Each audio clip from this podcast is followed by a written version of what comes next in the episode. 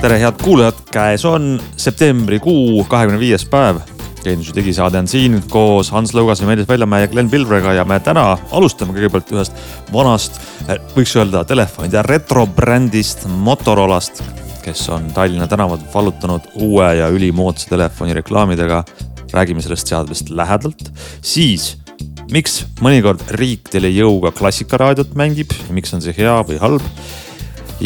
väga oluline praktiline teema tänases saates, kas mõistlik on osta paari aasta vanune telefon soodsama hinnaga, mis on ka väga hea ja veel elujõus või palju rohkem maksta uhi uue kõige viimase mudeli eest. Nonii, alustame siis Motorolast, mis oli juhuslikult minu kõige esimene mobiiltelefon. mis see oli siis kakskümmend, kolmkümmend aastat tagasi, midagi sellist. see oli ja... see Kuhu GSM-i telefon. Kuhu GSM-i telefon, just, just kusjuures muide ja praegu tõsi, kui sa nüüd niimoodi kohe ütlesid, kohe personaalsele lainele lükkasid Just. ka minu esimene telefon oli muide Motorola. ja see telefon oli vist kas mingi viis tuhat kakssada või mis iganes, nüüd keegi võib guugeldada, see oli selline paks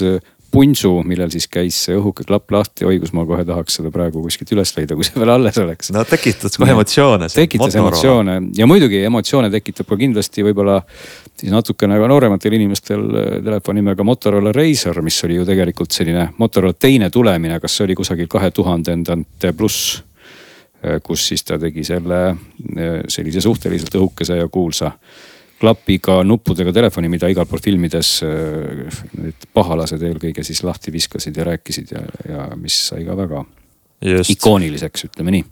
ja nüüd äh, ma olen tõesti ise kuidagi väga silma jäänud välikampaania e-, ennekõike turunduses, et Motorola Tallinna tänavatel on siis öelnud, et jälle on aeg tagasi tulla Motorola juurde, osta endale Motorola telefon, milleks on siis Razer, sama hea vana Razeri äh, mudel nelikümmend jah, no siin on sellest mudelist võib-olla jah, meie nagu suhe täna, täna Motorolaga Meelisega algaski, et ähm, võtsime siis need maaletoojalt, et Motorolaga on natuke keeruline seis, et kuidagi, kui me seda ruttu lahti üritaks rääkida, siis on see selline telefon, millel operaatorid ametlikult äh, ei ole jutule saanud. et täna just rääkisin ühe operaatoriga, kes ütles, et nende poolt justkui on valmisolek väga olemas, aga ei saa nagu suuski paralleelselt libisema just Motorolaga nende tehniliste nõuete ja asjade osas ja näed, ei müü, et seetõttu siis toob seda maale mm, asutus nimega F9, kes ei ole võib-olla tavatarbija jaoks oluline number või nimi, müüb seda siis erinevatele edasimüüjatele, kes tegelikult müüvad seda telefoni, et kui sa Ants näed reklaame, siis see tähendab, et seda telefoni saab ikkagi meilt täna osta. aga kust ma siis, kust, kust see siis tähendab, kust ma siis reaalselt saaksin seda osta? no sa saad F9... seda osta võib-olla e-poest e, samas arvut, arvutitargaletis on see täiesti olemas. aga ma tean ka seda, et, et hiljuti võttis Motorola täisvaliku endale müüki ka Euronics ja, no, ja varem nad ütlesid seda, et nad ootavad, et saaks korra dokumentatsiooni ja, ja siis garantii osa ehk siis toe Eestis ja nüüd siis ilmselt nad on nii siis need eestikeelset juhendit kui ka toe tööle saanud. sest et üllatuslikult mulle ka Euronixi valikus nüüd praktiliselt kogu Motorola telefonide valik, mis olemas on. Hmm.. no ühesõnaga, see kõik on nüüd olemas, aga vaat see suur aga ongi nüüd selle koha pealt, et operaatoritel seda tehnilist käepigistust Motorolaga ei ole ja, ja seetõttu on seal siis sellised igavad asjad nagu 5G ja Volte ja Vo Wi-Fi, millest me võime pikemalt rääkida, aga võib-olla me ennem ikkagi räägime sellest Razorist kui, kui sellisest ikooni tagasitulekust, et meil kahjuks nüüd anti täna pihku või ütleme, võimalus oli praegu võtta siis nii-öelda see odavam, et nüüd, kes ei ole Motorola Razoritega väga kursis, on nüüd kaks tükki, üks on siis selline suureekraaniline ja, ja noh, konkureerib siis väga otseselt selle Samsung Flipiga, uue mudeliga, aga teine on siis ka Razer, mis on mõned sajad eurod odavam ja on siis noh, kuidas ma ütlen, nihuke säästu Razer, millel siis ei ole suurt ekraani, et vaat see säästu Razer on siis meil olnud Meelisega natukene proovida ja arvustada. no kuulge, öelge ära, mis see, mis selle telefoni põhiline omadus on, see on ju volditav Motorola. volditav, ta tegelikult meenutab, äh, kui sa võtad ta nagu kätte, siis ta meenutab tegelikult väga palju esikülje poolest äh, eelmise aasta Samsungi Flip kolme, Flip nelja tegelikult siis. ehk siis tal on selline väiksem ekraan eh, esikaamerate kõrval, kus saab siis näpuga liigutada. Eh, samamoodi nagu ka suuremate ekraanidega volditavat telefoni saad seda kasutada selfie kaamera pildi näitamiseks, aga noh, see pilt on nii pisike, et ega sa väga palju siin ei näe. Eh, kella näitab, kalendrit ilmateadet ja nii edasi. ehk siis kõik see on nagu klassikaline, kui me räägiksime erinevustest, siis mul on nagu vedanud selle koha, et mul on tegelikult võrdlusvõimalus, mul on samamoodi käes ka Galaxy Flip viis, nii et mul on kaks volitavat kõrvuti ja, ja kui ma võtan nad kätte, siis Motorola esimese hooga tundub palju väiksem ja palju kergem. ja kui ma panen tegelikult kõrvuti, siis Motorola on tegelikult natuke suurem. aga kuna tal on äh, hästi kumerad ääred, siis ta tundub käes väiksem, teda on mugavam käes hoida teine asi on see, et tal on selline, ma ei tea, mis materjal see on, see võib-olla on plastik, aga selline. muide, ma segan vahele, see materjal on muidugi väga-väga loodussõbralik ja planeeti päästev, see pidi olema siis selline kunstlik või ütleme, vegan nahk on siis see populaarne okay. nimi, et, et mitteloomne nahk, selline tekstuuriga, mitte libisev, just. just, et ta on väga hästi käes, et kui Samsungi telefon esiteks on nurgeline, võib-olla natuke ebamugavam käes ja ta on hästi libe, siis Motorola telefon on äh, selline hästi mugav käes, ta ei libise mitte kuskile ja lisaks on see, et teda on parem hoida ja mulle tundub, et äh, et kui ma ta maha viskan, siis mul jääb mulje, et ma ei julgeks seda maha visata, sest et ta nagu,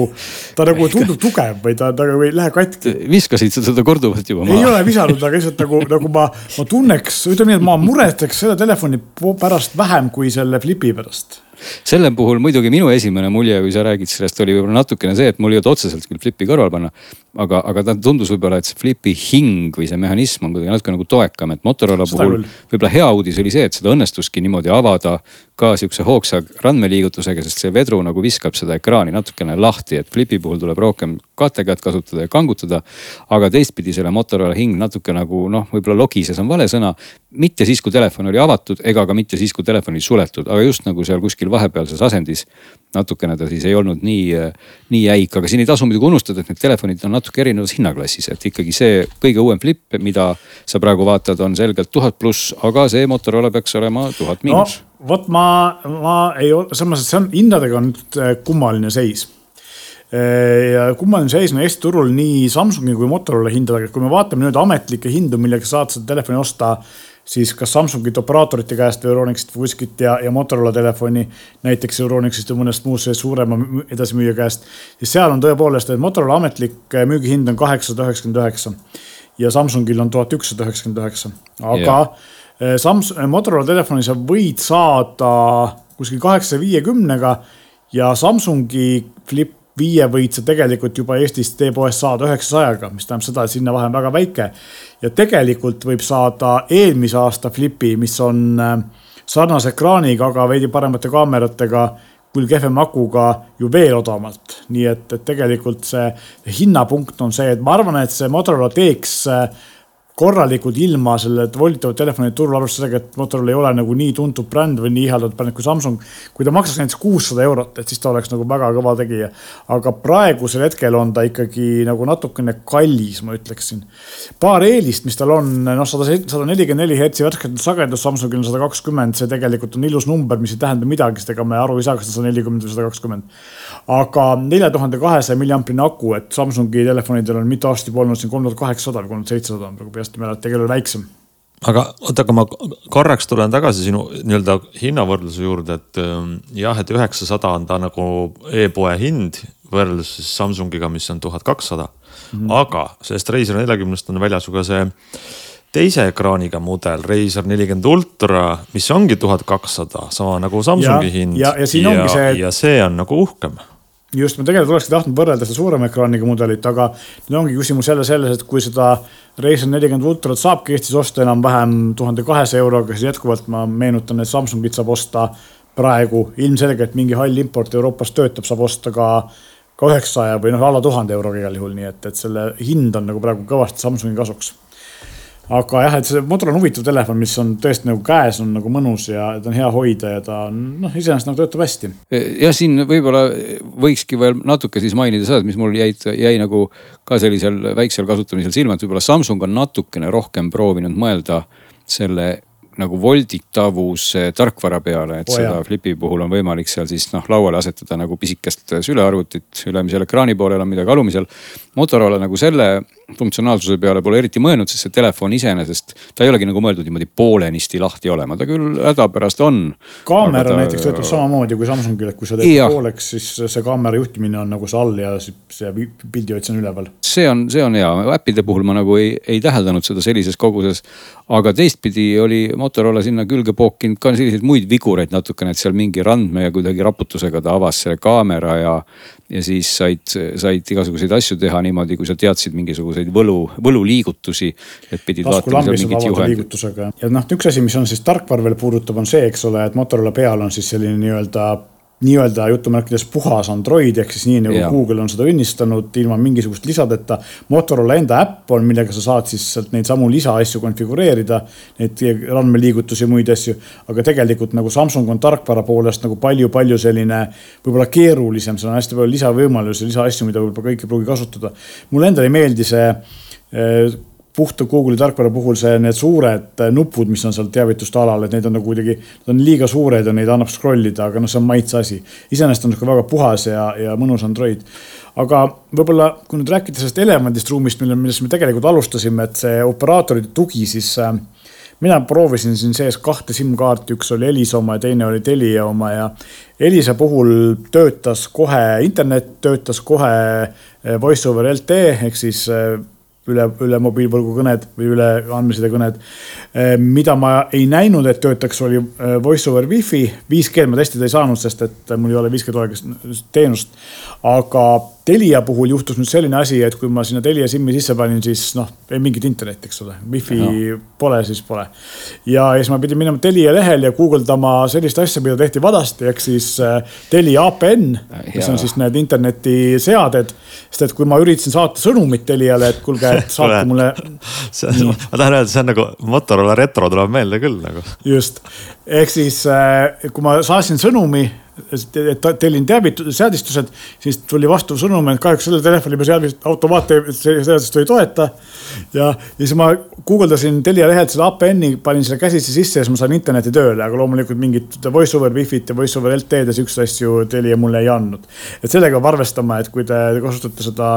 Telia võrgus, siis äh, töötavad asjad poolikult, 5G kohta ma ei oska praegu öelda ja kui te kasutate seda Elisa võrgus, asjad ka natuke poolikult, aga, aga mitte nii poolikult. no mina küsisin et, selle koha pealt ka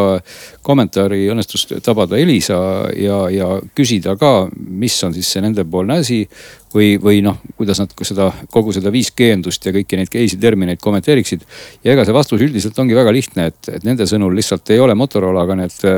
suhted jõudnud sinnamaani, kuhu oleks võinud jõuda sealtpoolt. mistõttu noh, nemad ei saagi kuidagipidi anda mingeid garantiisid. et, et kui see telefon juhtumisi siin töötab, siis ta täpselt nii hästi töötab, kui ta töötab ja, ja kui ta ei tööta, siis ta ei tööta ja sellel põhjusel nemad ka seda täna ei saa müüa, sest et neil seda tehnilise osakonna sellist ülevaadet ei ole, aga noh, kui Meelis, sa juba ütled, et katsetasid natukenegi seda poolt, siis ilmselt see lugu nagu päris lootusetu ole, ei ole, et noh, rääkida ja. saab igal juhul seda, aga proovisin mina, eks ole. Minul on näiteks selle telefoni kasutamine kompenseeritud, kuna mul siin, kuigi Tallinna linnas, aga ei ole äh, päris, päris halb või kohati puudub igasugune mobiilside levi ja ma pean, sõltun voice over wifi'st, sest et muidu lihtsalt mul ei saa helistada. ja, ja teine asi ongi see, et mina küsisin ka nii Elisalt kui Teliast ja Eli, Teliast me ei ole kommentaari vastu saanud. Elisast sain, nende telekomi teenuste juht ütleb konkreetselt niimoodi, et Motorola tooted ei ole Elisa tootevalikus, seetõttu pole nad ka meie võrgus testitud. see on jah, see ametlik vastus on ka tegelikult Just. sisuliselt täiesti õige vastus, nii et ühesõnaga ega selle meie ülevaate nagu kokkuvõte on see, et telefon on äge ja tore, aga selles mõttes peab võib-olla üks jah, üks aspekt on muidugi see, et kas selle raha eest nüüd osta selline telefon või kui me saame testida seda Äh, ultrat, siis kindlasti jagame ka sellest muljeid ja, ja võib-olla osutub see isegi paremaks valikuks, aga selge on see, et uuena täna ikkagi on ta kahtlemata kõige odavam selline volditav äh, lahendus, vähemalt kui me letihindu ja, vaatame. ja ta on tegelikult täitsa hea telefon nagu oma muude omaduste poolest ja üldse, et kui Motorolast rääkida, siis tegelikult on tegelikult on ka, ka kõik teised Motorola telefonid nagu see, mis Glensin testis, see soodne mudel, kui ka need Edge-seeria telefonid on. Motorola on teinud sel aastal suure hüppe edasi oma kvaliteedis ja omadustes, nii et, et tegelikult need on väga ägedad telefonid, kahju, et operaatorid neid ei müü. selge pilt, aga räägime nüüd edasi siis järgmisest teemast. E, eelmise nädala kolmapäeval oli olukord, kus paljud inimesed teoorias oleks pidanud kuulma, märkama seda, et äh, kuulavad raadiot. Ja riik vahetab enda raadiokanali ära, et ei sobi see Sky plussi tümakas enam, vaid pannakse klassikaraadio peale. tegelikult seal taga ei ole mitte riiklik muusikamaitse valik. Õnneks meil sellist olukorda ei ole, vaid testiti siis kriisiõppuse Trevex raames äh, seda, et tänu digitaalsele Äh, raadioedastusele on nüüd võimalik anda selliseid juhendsisendeid kuulajatele. E, ehk siis kriisiteade tuleb teatud näiteks jaamast ja kõikide ühilduvate raadiokuulajate seadmed lükatakse sellele kanalile, see antud hetkel oli siis kolmapäeval kell üheksateist kolmkümmend Klassika raadio peale testiks pandi. Äh, mis ähm, ma saan aru, õnnestus, ma tean inimesi, kes andsid märku, jah, sõitsid autos, järsku plõks, läks Klassikaraadio peale koos siis äh, kirjaliku infoga. Ma ei tea, kas teie juhtusite kuulma, nägema seda olukorda? saate kogeda, et toimis? ei, ei, isiklikult mitte, aga siin kolleeg Ronald äh, näitas pilti, kus ta, tal autos see töötas, et Eh, Taap pluss raadioga on ju see, et ega meil kodudes neid eriti ei ole, kui just kellelgi ei ole mingi uuem receiver. aga uuematel autodel on see küll kõik see, kõigil sees ja noh, müüakse ka neid. aga kuna see teenus on nagunii Eestis kui selline lapsekingades ja alles nagu nii-öelda testijärgus ka üleüldse, siis äh, ilmselt võtab mõned aastad aega, kuni meie siin Taap raadioteni jõuame, paljud inimesed ei jõua selleni vist mitte kunagi ma saan aru, et tehniliselt see asi õnnestus, et, äh, et. tundus no, küll jah. et ei saa, ma saan aru, et mõte on selles, et ERR võiks ju kõikidest oma kanalitest lasta kriisiteadet, aga kuna meil on ka eraraadiojaamad, siis et need kes sa kuulad mingit eraraadiojaama, siis sinu raadio lülitatakse ümber sellele kriisiteatele ja, ja sa saad tagasi panna. tehniliselt õnnestus, äh, aga ma ütlen sisuliselt see asi nagu ei õnnestunud, kui mõte on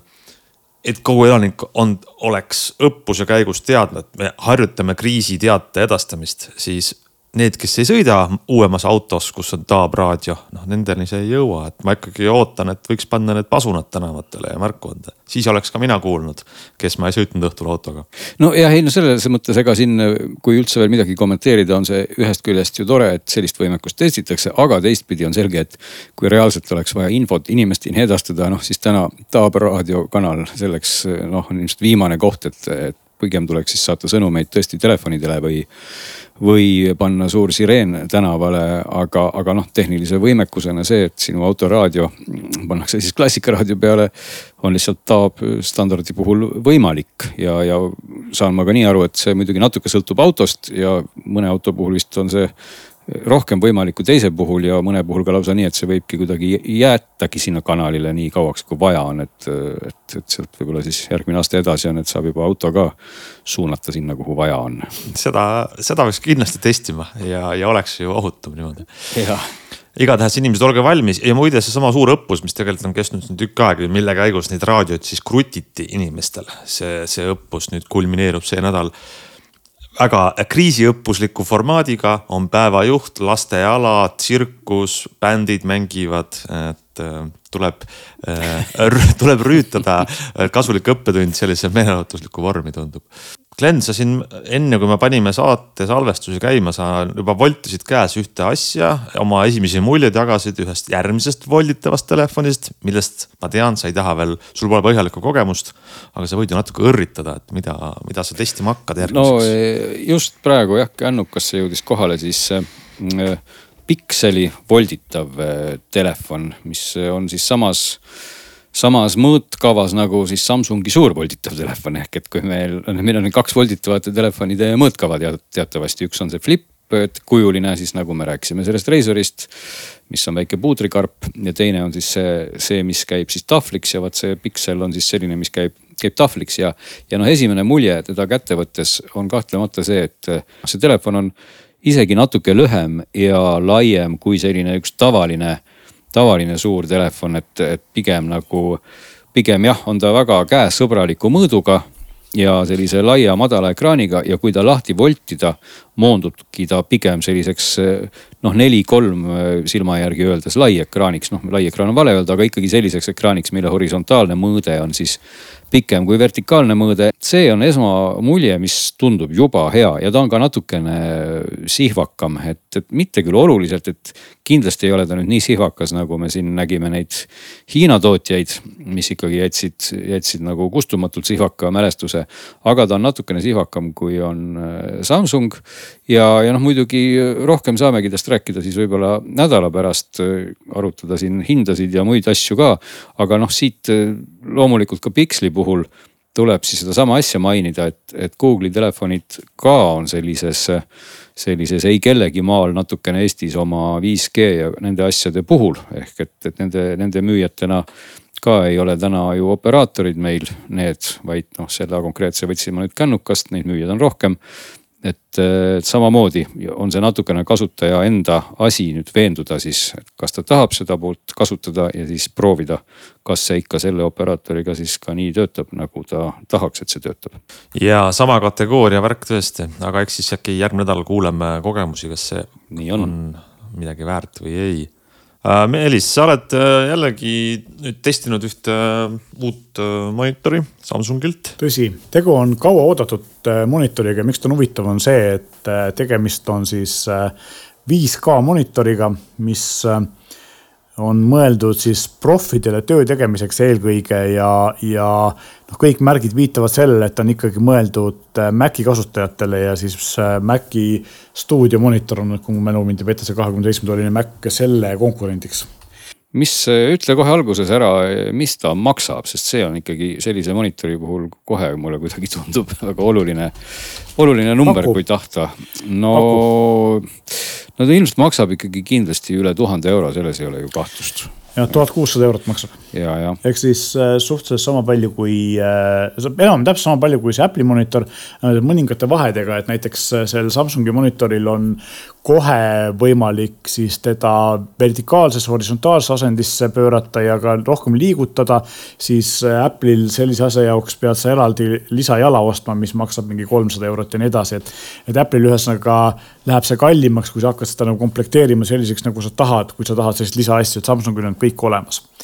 nüüd ähm, minu puhul on see, et ma pean ütlema siin sellise disclaimer'i või lahtiütluse, et kuigi kõik märgid viitavad, kuigi Samsung ütleb, et see töötab ilusti ka arvuti PC-de puhul, eks ole, et, et ta on tegelikult äh, eelkõige mõeldud siis äh, nii-öelda sisuloojatele, kes kasutavad Mac'e. ta näeb väliselt välja väga sarnane Apple'i monitoriga, äh, halli värvi, eks ole, selline ja ja sellepärast mina, minul Maci ei ole, ma kasutan seda PC taga ja sealt tulenevad ka mõningad omad probleemid. ilmselt, kuigi ma ei ole kindel, milles, milles, millised need probleemid on siis minu spetsiifilised ja millised üldised, aga. aga noh, esimene asi on see, et kui me räägime näiteks kõlaritest, kõlarid on kõvasti-kõvasti kehvemad, kui on äh, sellel Apple'i, Apple'i monitoril. siis me teame, kui head häält teevad, eks ole, Apple'i monitorid ja kõlarid või kasvõi iMac'id ehm, kõlarid on olemas, aga bassi pole seal üldse ja üleüldse nad äh, suunavad oma heli taha, mitte alla nagu Maci monitorid. siis äh, teine asi, mis minul oli nagu kurioosne probleem, oli see, et äh, mul on ta siin kirjutuslaua peal oli, ma nüüd andsin ta ära ja te, teises mu selja taga on Samsungi teler ja kui, kui kasutada teleri pulti, siis ka monitor läks sisse-välja ja, ja reguleeris helitugevust. ja kurtsin seda ka Samsungile ja sealt mulle öeldi, et jah, et, et pult tuleb nagu uuesti registreerida seadmega või uuesti ära paaritada ja ma tegin seda vastavalt juhendile mõlemat, nii, nii teleka puhul kui monitori puhul. kasu ei olnud, kusjuures eh, monitori puldist eh, telekat juhtida ei saa, eks see niipidi ei häiri, aga just telekapult reguleerib eh, monitori, et see on nagu ebatavaline ja häiriv asi. mis puudutab pilti, siis mina pole nagu varem väga suure resolutsiooniga monitori kokku puutunud ja ta töötab, aga noh, siin võib olla kas monitoris küsimus või võib-olla siis küsimus selles, et tegemist on PC-ga ja see 5K ei ole nagu väga selline native resolutsioon PC peal. aga selle pildi paika saamisega võttis mul ikka päris kaua aega. teine asi on muidugi see, et tegemist on tänapäevase monitoriga, millel on väga-väga hea eredus ja kontrast ja, ja noh, need olid loomulikult tehasest pakist võetes põhja keeratud ja siis ma pidin nagu kõvasti reguleerima, et esiteks saada selle pildi natuke soojemaks, kuna nagu teada on, klient teab hästi, väga hästi, et see vorm üks, vorm kaks Samsungi seadetest võiks olla nagu see, mis on normaalse pildiga, aga tegelikult ta on üsna sinine alguses. lisaks muidugi ta toetab DCP kolme ja muid selliseid häid värvi, tänapäevaseid värviprotokolle ka, aga pilti pidi kõvasti reguleerima, nüüd jõuame sinna, et kuidas pilti reguleerida, esimene asi on see, et eh, kõiki seadeid monitoril saab muuta kahte moodi, üks on siis see, et monitori taga on selline joysticku moodi asi, mida saad näpuga liigutada. see on ülimalt ebamugava koha peal ehk siis seda peab käe sinna lükkama ja kui see on kuskil vastu seina, siis noh, see on üsna keeruline. ja teine variant on siis kasutada seda kaasasolevat pulti, eks ole. Ja noh, siis peab pult sul kogu aeg nina all olema. teine asi on see, et kui mul siin praegu on tellimonitoris, nendel on need värviprofiilide valik, kõik selline asi, eelseadistuste valik on, on nende monitori külje peal nuppudega valitav ja see on hästi kerge ja lihtne. siis kui ma lähen sinna puldiga sinna menüüsse, siis noh, tegemist on siis Dysoni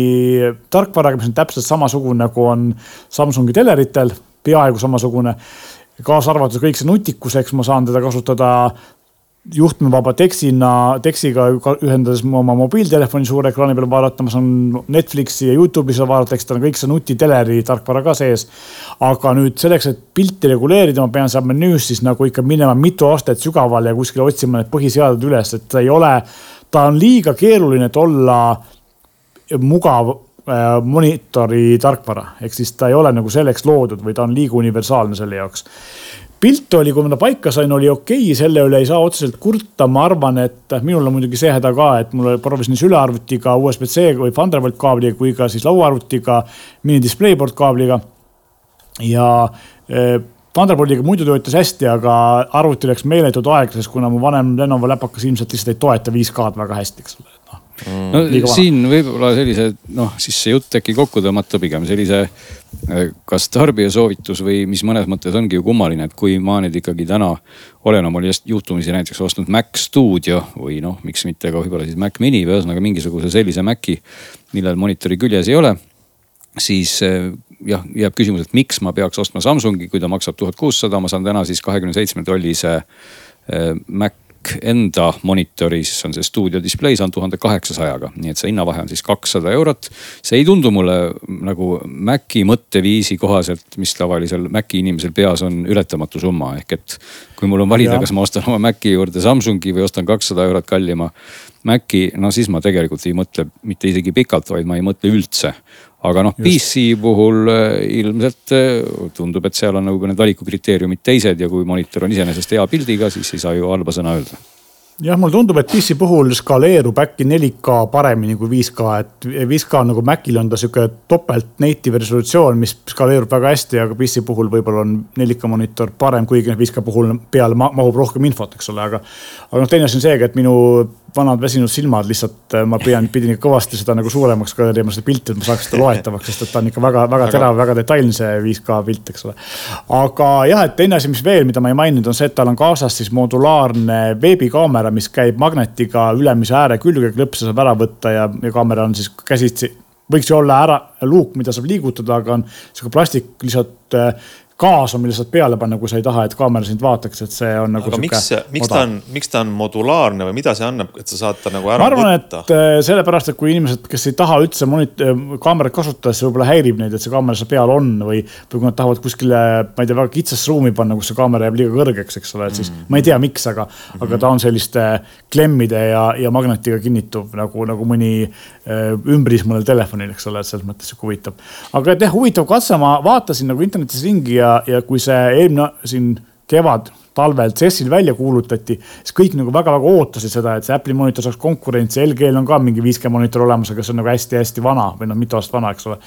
et, et seda oodati nagu väga põnevusega, tundub, et ta nagu ei ole päris nii hea, kui ta võiks olla, kui ta maksaks vähem siis oleks võib-olla täiesti nagu mõistlik alternatiiv. ja muidugi jällegi ei väsi kordamast, et kõik see jutt kehtib selle koha pealt, et mul ei ole vastavaid seadmeid, mul ei ole Maci ja mu ka arvuti on selline suhteliselt tagasihoidlik. üks asi oli veel, et mul on äh, ühendatud äh,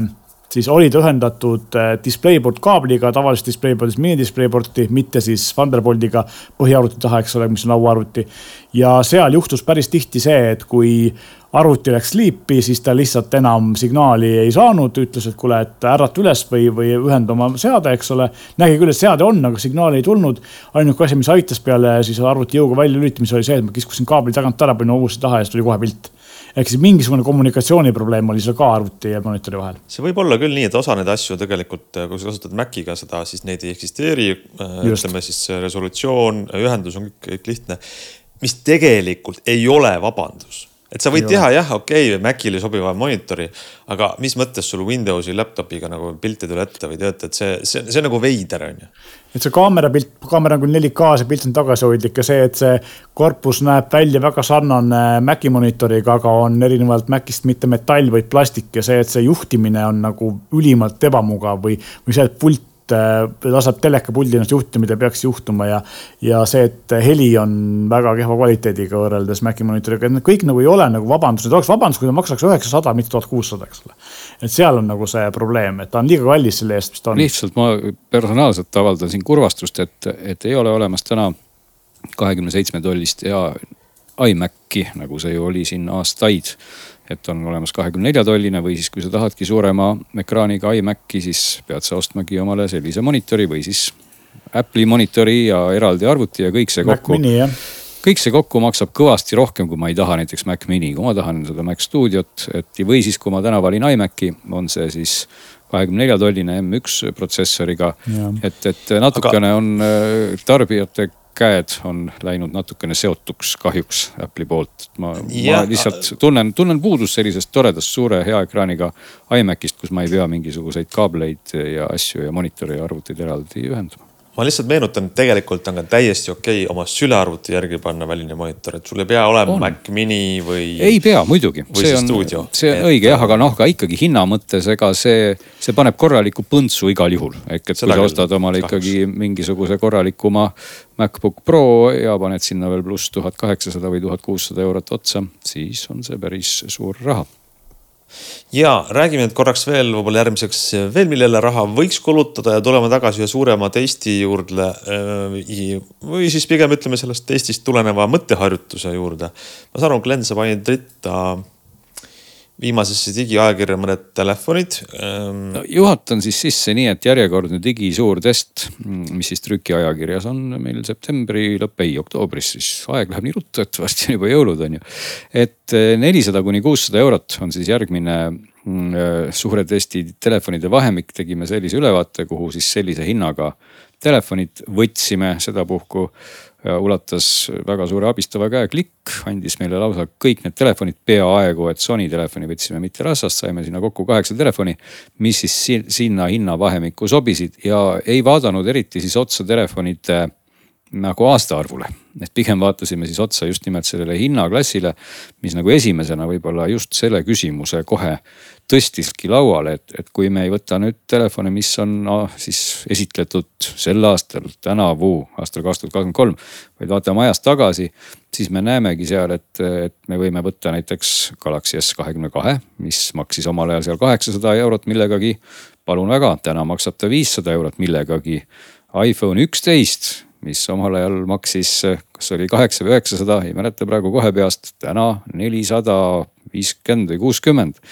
ehk et iPhone üksteist oli kõige vanem telefon, mis sinna testi jõudis. selle asu, asutus või väljalaskeaasta on kaks tuhat üheksateist ehk et nüüd neli aastat saab kohe või viis hakkab varsti juba täis saama, et neli on juba täis. nii et see võib-olla küsimus oligi, oligi see kõige võib-olla huvitavam, et sest et neljasaja kuni kuuesaja euro eest sa täna saad ikkagi noh, sellise ütleme sellise korralikuma keskklassi telefoni, eks ole, aga nagu näha, selle raha eest saad sa siis natukene vanemaid noh, kas siis täitsa tippmudeleid või ikkagi selliseid tippseeria mudeleid, eks ole, sest et eh, noh, iPhone'i kõrval loomulikult on ka olnud kallimad iPhone'id. nagu ka Samsung S-seeria kõrval on olnud siis alati need suuremad S-id, et need sinna testi ikkagi ei mahtunud. Äh, minule jäi lihtsalt siin silma selline asi, et vahepeal ilmselt on aeg edasi läinud või, või on lihtsalt see, et sa oled pannud siia artiklisse need klikihinnad, et see äh, Galaxy A54 on praeguseks märgatavalt alla neljasaja euro ja, ja ja väga hea, väga hea telefon selle raha eest, arvestades, et ta on nagu väga odav, et Samsungil üldse viimasel sel aastal on midagi juhtunud sellega, et nende hinnad kukuvad peale müüki tulekut paari kuuga nagu väga korralikult, et see on jällegi siinsamas kehtib ka, eks ole, see, see jutt, kui sina rääkisid, võiks osta võib-olla aasta või paar vana telefoni, siis tegelikult ka uue telefoni puhul tasub Apple'i puhul võib-olla mitte, sest nende hinnad ei kuku niimoodi, aga Androidiga telefonide puhul tasub alati peale selle telefoni väljakuulutamist ja müügile saabumist paar kuud oodata, sest esimene fännid ostavad ära ja siis kukub nagu mingi kümme protsenti kohe kindlasti, eks. ja no siin eh, ma muidugi nüüd kohe jah, ootakski pigem seda küsimust, et kas siis tasub osta vanem tippmudel või osta uuem mitte nii tippmudel. neid aspekte oli seal mitu, mida vaadata, võib-olla üks selline mis jääbki natuke varju, aga mis on kahtlemata oluline aspekt, on seesama tarkvarauuenduste tugi, millest viimasel ajal on hakanud rääkima nüüd kõik tootjad ka peale iPhone'i, et iPhone'ide puhul on see olnud kuidagi selline de facto nagu viis aastat on alati lubatud. aga tuleb ka tunnistada, et sellesama üheteistkümne puhul, iPhone üheteistkümne puhul isegi saab ta nüüd järgmise opsüsteemi, mis juba siis võiks liigituda kuueks aastaks, sest et et nagu öeldud, see viis aastat ju kohe saab täis, eks ole. ja, ja tegelikult võib juhtuda, et, et see äkki läheb ajas veelgi kaugemale. Androidide puhul kõige rohkem täna pakub seda Samsung, nii, nii-öelda ametlikult, et nad räägivad siis neljast aastast operatsioonisüsteemide või isegi mitte neljast aastast, aga neljast opsüsteemi põlvkonnast ja siis viiest aastast tarkvarauuendustest. Teistel eh, enamasti on see täna nihkunud siis kolme ja nelja aasta peale vastavalt ja kõige kehvem oli see Nokial, kes siis oma uuemale telefonile pakkus eh, kahte ja kolme aastat vastavalt siis turva ja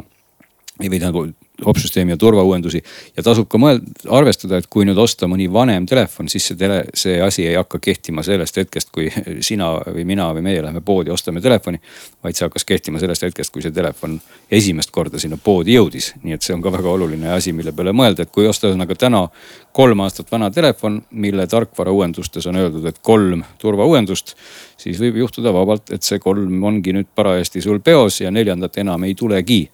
aga, aga võib-olla tuleb, et selles mõttes ostuhetkel on ka seda garantiid raske anda, aga igal juhul on see nagu asi siis, mida vaadata, et see on, see on nagu üks aspekt, kas sa tahad Meelis kuidagi täiendada siin? ma tahan öelda seda, et kõige kummalisem on minu jaoks selle juures see, et paljud, no Samsung eriti, aga ka paljud teised tootjad nüüd viimasel ajal on hakanud jah pakkuma siin nelja ja viite aastat siis vastavat neid operatsioonisüsteemi ja turvauuendusi ja, ja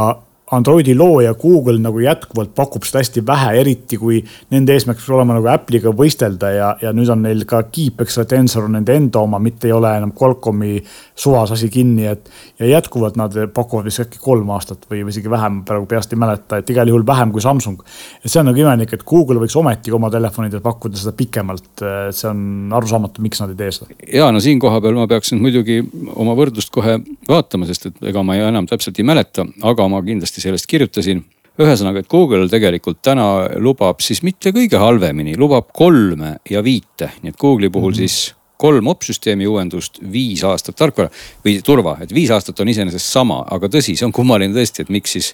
miks siis ta ei luba nelja, aga noh, neli või kolm ja, ja nagu öeldud. või viite näiteks. või isegi viite jah, et aga nagu öeldud, ei tasu võib-olla sellest ka liiga paanikasse täna sattuda, sest et see võib ajas nihkuda tegelikult nagu Apple on siin tõestanud isegi võib-olla mõne vanema telefoniga veel. aga seal neid momente muidugi siis, mille peale võib-olla tähelepanu pöörata lisaks sellele turvaasjale on või uuenduste asjale on, on veel, et üks selline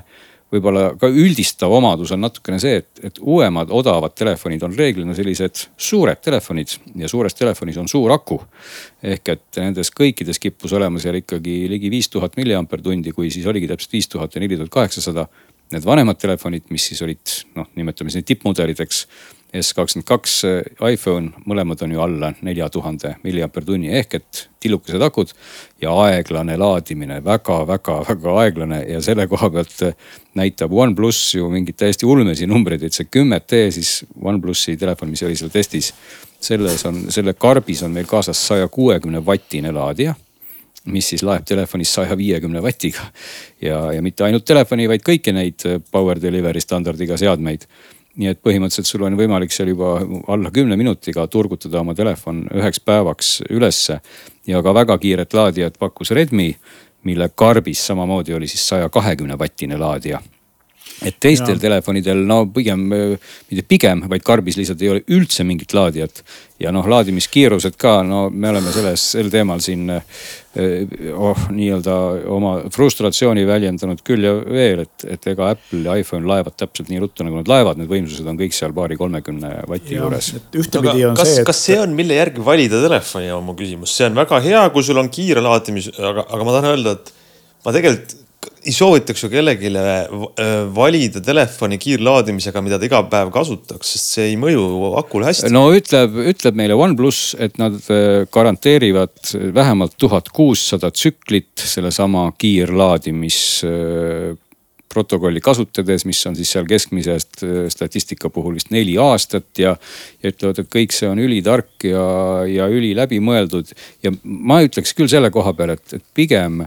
on telefoni või üldse igasuguse liitiumaku puhul on väga halb, kui ta on kogu aeg saja protsendi juures. see on ja. palju halvem aku elueale kui see, et teda laetakse niimoodi targalt ja kiiresti ja vähem. ehk et kui sul telefon, äh, telefon on juhtumisi selline rumal telefon, kellel sul on harjumus panna ta öösel laadima. ja kui telefonil endal mingisugust tarkust selle aku laetuse osas ei ole, siis äh, paari tunniga on see telefon sul saja protsendi juures ja ootab rahulikult hommikut. ja vot see ei ole hea, kui neid öid on palju, et palju kasulikum oleks telefoni laadida päeval natukene mitte enam öösel. aga see on vist juba käib tark, tarkvaraline juhtimine, et enamus no, opsüsteeme oskavad seda laadimist. no ei, ma jääks siin jupitada. ikkagi suhteliselt skeptilisele arvamusele, et pigem vanemad kindlasti enamus ei oska, et seda tuleks kindlasti siis seadistustest vaadata, kas see laadimise optimeerimine on, on, on olemas. paljud telefonid üritavad nagu aru saada sellest, et millal sinu hommik on, et kui see on sul selline väga reeglipärane, et siis nad justkui laevad ennem seda, aga on ka telefone nagu näiteks ka Samsung, kui ma ei eksi, millal sa saad öelda, et piiragi maksimaalne laadimine kaheksakümne protsendi juurde nagu elektriautodel, eks ole nii et, et see on üks koht, mida võib-olla vaadata, aga teistpidi see, et sul on ikkagi karbis korralik ja kiire laadija. see annab sulle ka sellise ühe hea ja kiire laadija majapidamisse ka lihtsalt juurde, millega kasvõi no, oma arvutit laadida, ütleme nii. see on nagu jällegi mitme otsaga asi, et ühtepidi on see, et eh, päris paljudel telefonidel tänapäeval ei ole enam laadijat kaasas. ei no mitte päris paljudel, vaid ja. E, need olid ainsad telefonid, millel oli. et kaheksasel telefonil kuuel ei ole enamasti oli, on kaasas laadija siis Hiina telefonidel ja neil on jällegi see, et nad kasutavad, on hästi kiired, nad kasutavad tegelikult mingeid oma protokolle, mis ei ole standardiseeritud, mis tähendab seda, et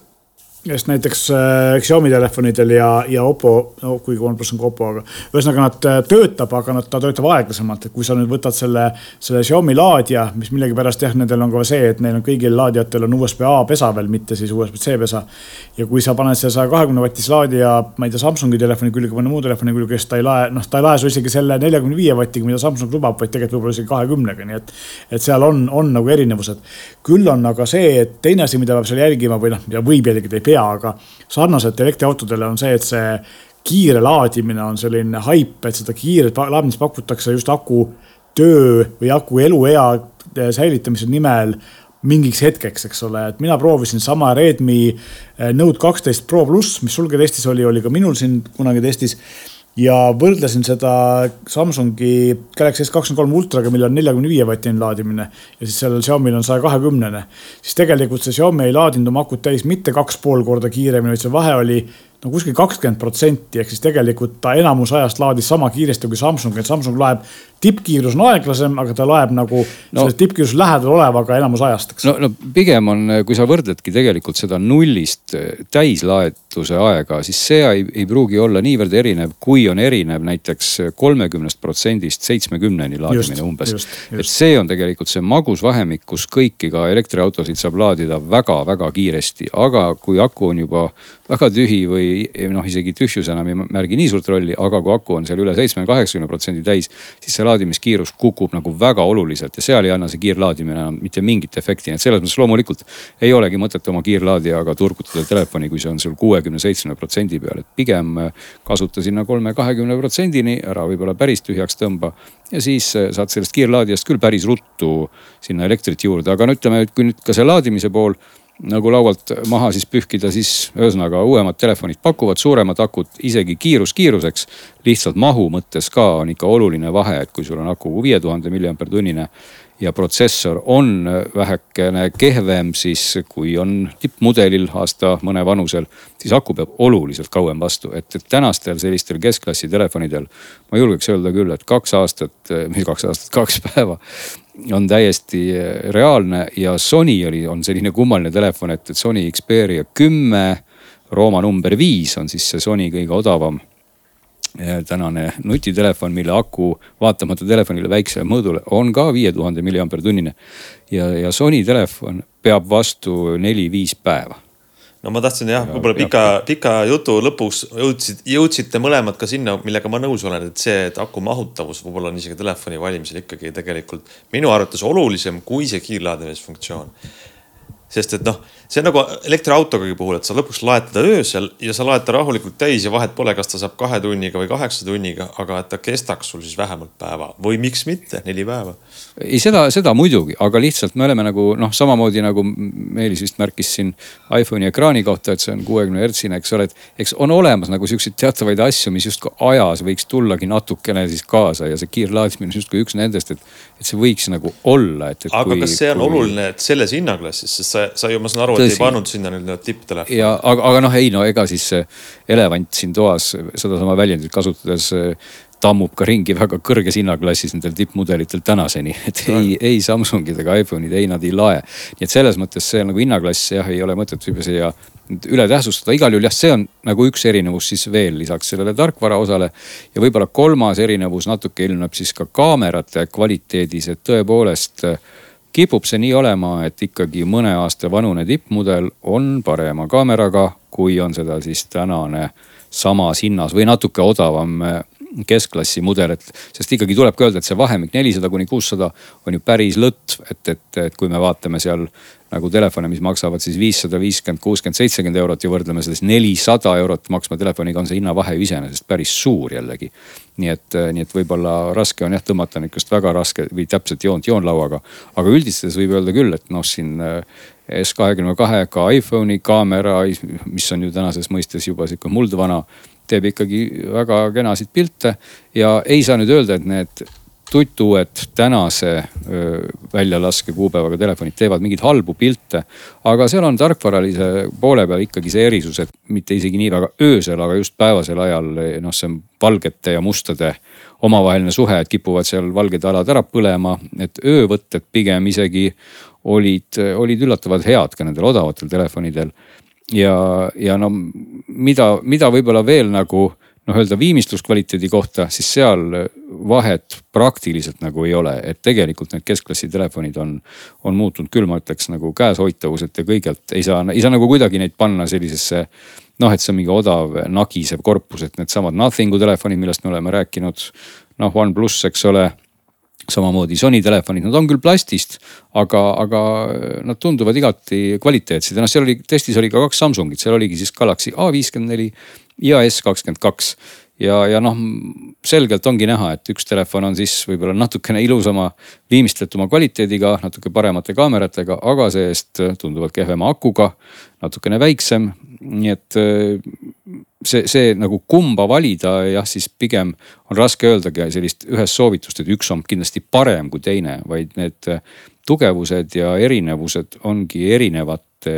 kohtade peal, et seal, seal testis, kui te seda nüüd äh, lugeda ei taha, siis ma võin nagu vihjeks nii palju öelda, et, et, äh, et väga-väga häid selliseid muljeid jätsidki seal OnePlus ja ka Google Pixel seitse, mis muidugi mõlemad on suhteliselt kallid telefonid ikkagi, nad mõlemad platseerusid sinna kuuesaja euro alla. Ja tegelikult sihuke kummaline nagu natuke selline mm, noh, heas mõttes friigi telefon on ikkagi seesama Sony, et et see pani mind nagu muigama nagu mitmes osas, et, et esiteks see kaamera teeb selliseid diapositiivilaadseid pilte, mis tegelikult ei ole võib-olla üldse paha, et kui, kui kõik teised telefonid keeravad nagu tarkvaras sul kuidagi fotod ülivärviliseks ja üritavad sellist dünaamika ulatust mahutada sinna ühte fotosse nagu maksimaalselt palju ja teha sellise postkaardi. siis Sony nagu teeb sellise pildi nagu, nagu vana hea Smena, aga aga see pilt ei ole nagu üldse kuidagi noh, ma ei saaks öelda, et see pilt on nagu kole, vaid ta ongi hästi selline naturaalne ta on mõnes mõttes selline filmilik ja, ja jäävad ju ka sinu mälestused sinna hästi peale. ja teistpidi, nagu ma ütlesin, aku peab Sonyl väga hästi vastu ja Sony ka eristub teistest oma selle vormi mõttes, et ta on selline natuke kitsam ja natukene pikem, aga ta on see-eest nagu väga sihvakas ja selline väga käesõbralik, nii et ma nagu annaks selle, selles mõttes Sonyle kohe kõik kaksteist punkti, et ta nagu eristub ja kas nüüd hästi või halvasti, see on nüüd nagu kasutaja käes, aga, aga ta igal juhul eristub sellest üldisest äh, massist äh, väga hästi. kas sul mõni iPhone ka seal valikus oli? kas sa üldse oled meie saadet kuulanud, mida me täna teeme? seal oli iPhone üksteist. jah, ja, ja, ja ma tahaks teada, ma ei ole testi näinud, et mis kohale ta jäi no vot seda, mis kohale ta jäi, äh, ma ei, ma isegi täpselt ei, ei mäleta, aga ma võin vihjeks no, öelda nii palju, et ta ei olnud esimene, aga ka mitte viimane. ja muide, kõik need telefonid seal testis said vähemalt minu käest, kui nüüd kuskil mujal äh, protsessi käigus see ei muutunud. said nad soovituseks sõna jah, et me teatavasti paneme seal ju selliseid ei või jah hindeid no,. et neid test-. talle öelda, et mitte kõik ei ole siin jahi saanud midagi on vahepeal muutunud. ma ei suutnudki otsustada, et miks ma peaks siis ütlema ühele ei, see tundus mulle nagu nii ebaõiglane, aga nüüd ma saan siis seda testi ise üle vaadata ja. ei, ma korra tahtsin lihtsalt rääkida muutu. iPhone'ist, kuna paljud inimesed eelistavad iOS-i ja ka, ja ka odavas mm -hmm. selles seerias osta siis see vana mudel on ju, iPhone üksteist, no tegelikult mm -hmm. ka iPhone kaksteist läheb sinna hinnavahemikku peale, kus on natuke üle kuuesaja euro aga äh, minu arust on üks aspekt sellise vana telefoni ostmisel, mis on nagu väga-väga suur hoiatus ja mm, punane hüüumärk, miks vältida, on mälumaht ehk siis äh, uue iPhone kaheteistkümne saab noh, peaaegu sinu, sinu testi hinna vahemikus, aga sellel on, arvake ära, mitu gigabaiti sisemälu. kolmkümmend kaks kuus, kolmkümmend kaks, kuuskümmend neli ikkagi. no kuuskümmend neli, kolmkümmend kaks oleks ikka täiesti hull, et sellega ei taha poest välja ka minna, aga kuuskümmend neli on, on kohutav. ei no aga ma, ma, mina tahaksin kohe vaielda, et miks on kohutav, et miks sa hoiad oma kraami kõiki telefonis, me oleme täna, elame ju pilves kõik et miks sul, miks sul need seal telefonis kõik on? oi, inimesed ei tea ja ei oska ja eriti, kes ostavad endale odavama telefoni, nad ei tea, mis see tähendab. ei, oota, kas ma räägin lõpuni, et ma tahan öelda, et kui sa ostad pilte, ei, kui sa hoiad pilte ja videosid, mida sa 4K videot oma seadmes ja ei taha osta seda tasulist äh, iCloudi teenust, pluss veel, kui sul on paar rakendust ka, siis kuuskümmend neli gigabaiti saab sul täis paari kuuga. ja, aga see, vot see on see koht, kus me võiks siis järgmises saates nüüd pikalt vaielda. See on vale mõtteviis täna.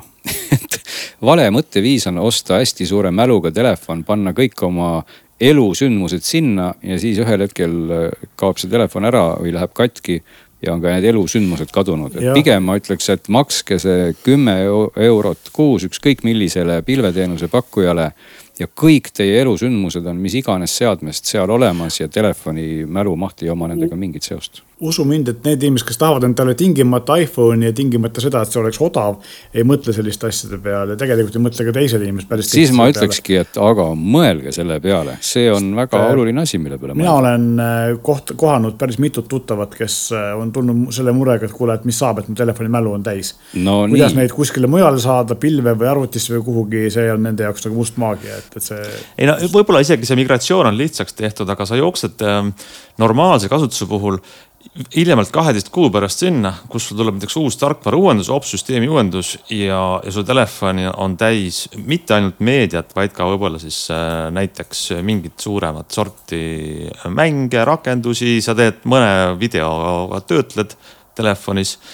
ja, ja, ja sa pead hakkama siis kustutama, migreerima, valima pilveteenust, laiendama, äh, kohapealsest salvestusest midagi kustutama. et ja muidugi terabaidi või viiesaja gigabaidi jagu ruumi on selline luksus, mis on nagu